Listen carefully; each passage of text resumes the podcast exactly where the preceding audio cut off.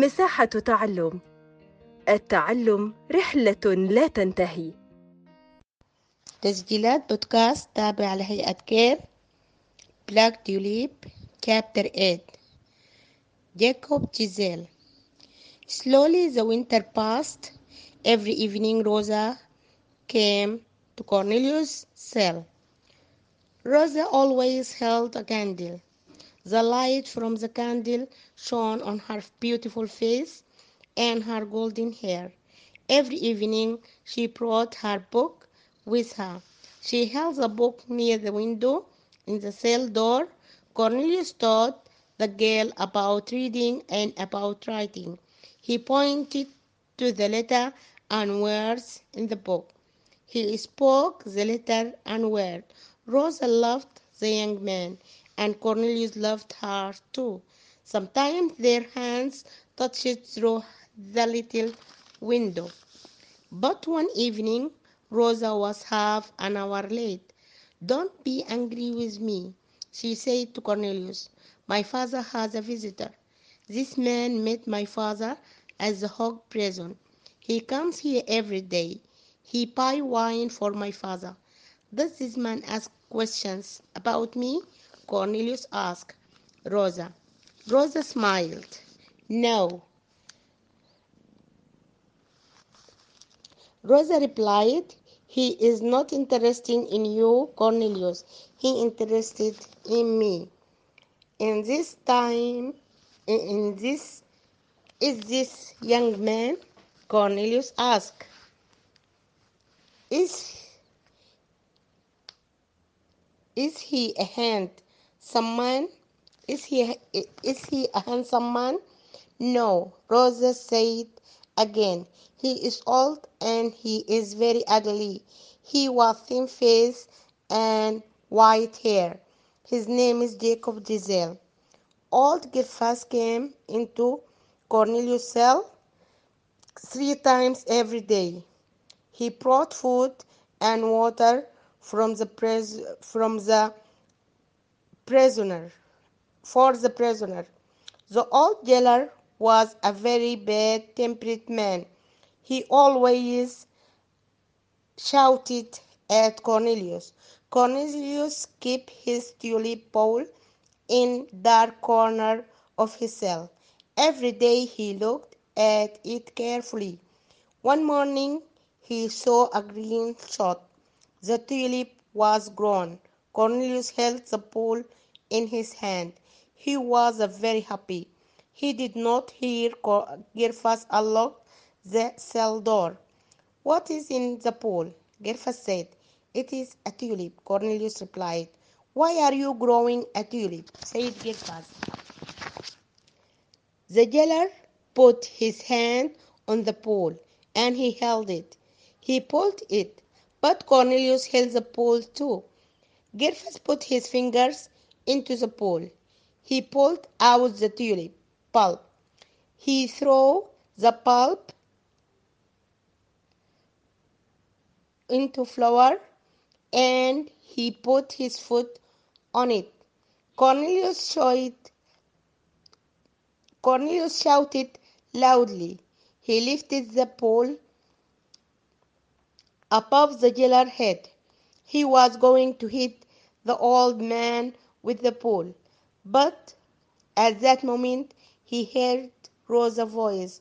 Stop! Stop! Rosa shouted. She ran into the cell.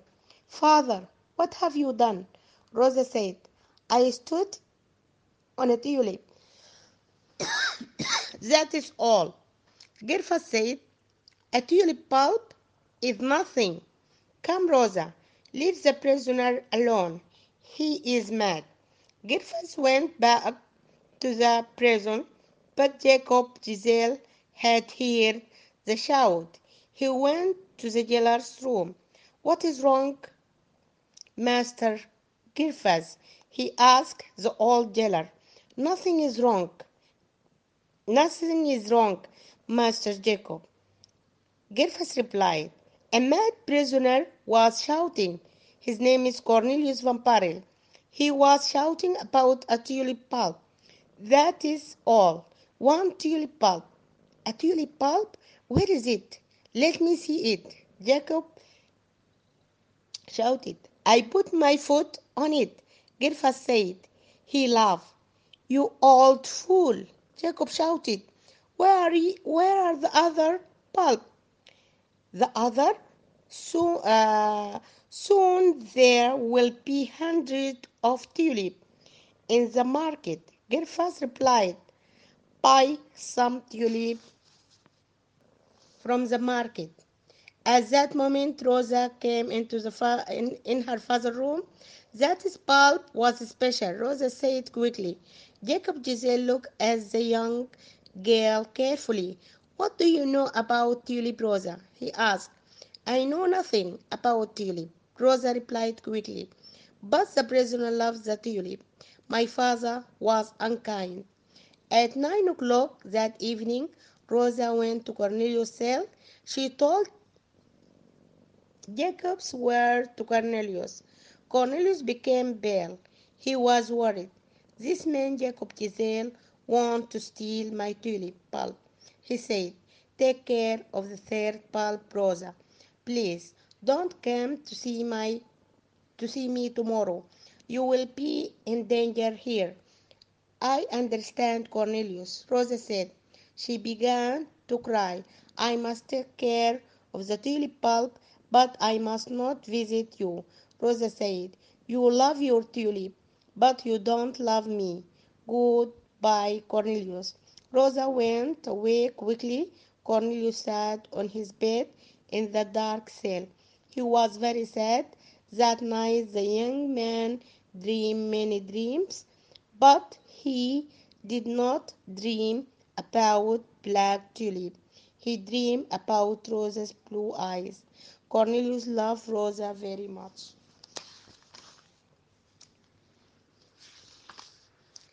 انقضى الشتاء وظلت روزا تزور الزنزانة كل يوم وهي حاملة شمعة وممسكة بالكتاب وظل يعلمها القراءة والكتابة وأخبرته في أحد الأيام أن هناك زائر بدأ يزور والدها وأنه يأتي يوميا ويشتري لأبيها الخمر. فتساءل كورنيليوس عن هذا هل هو شاب؟ هل هو مهتم؟ بالسؤال عني فأجابته أن لا أنه مهتم بي أنا وهو رجل عجوز وقبيح المنظر. ظل جرافس العجوز يتفقد زنزانة كورنيليوس ثلاث مرات آه ليعطيه وجباته وجبات الطعام. وفي أحد الأيام رأى الطبق ال ال ال الذي زرع نبتت فيه الزنبقة. أمسك كورنيليوس الوعاء بين يديه آه لدرجة أنه لم يسمع. وقع جرفاس وهو يدخل. فسأله ما هذا فأجابه أنها زنبغة فأراد أن يحملها منه ولكنه تمسك بها فأخذها بالقوة وداس عليها بقدميه فصاح كورنيليوس وأراد أن يضربه بالوعاء إلا أن روزا حضرت ومنعته من ذلك. بعد ذلك ذهب جرفاس إلى غرفته ووجد جاكوب فسأله لماذا هذا الصراخ فأخبره عن الزنبغة فسأله أين هي؟ فأجابه بأنها بأنه آه قد دهسها بقدميه فصاح فيه يا لك من رجل عجوز أحمق أين البصيلات الأخرى؟ قال له ستجد مئات البصيلات في السوق. في تلك الأثناء دخلت روزا فسألها يعقوب هل هل لك معرفة بالزنبق يا روزا فأجابت في اقتضاب لا وذهبت. توجهت روزا إلى زنزانة كورنيليوس عند التاسعة وأخبرته بكلمات يعقوب فصار وجهه شاحبا وأحس بأنه يريد أن يسرق الزنبقات فأجابها أن لا تأتي إلى زيارته وأن تحافظ على الزنبقات. بدأت تبكي وهي تقول له أني أحافظ عليها. إلا أنك لا تريد أن آتي لزيارتك لأنك لا تحبني وتحب وصيلاتك أكثر وذهبت وظل هو عابسا وجلس يشعر بالحزن الشديد Okay, uh, give short answer for these questions. Number one, why did Rosa cry when Cornelius said to her, Don't come to me to see me tomorrow. Because she thought Cornelius loved his tulip more than her. Number two, how did Cornelius teach Rosa? Answer, through the window.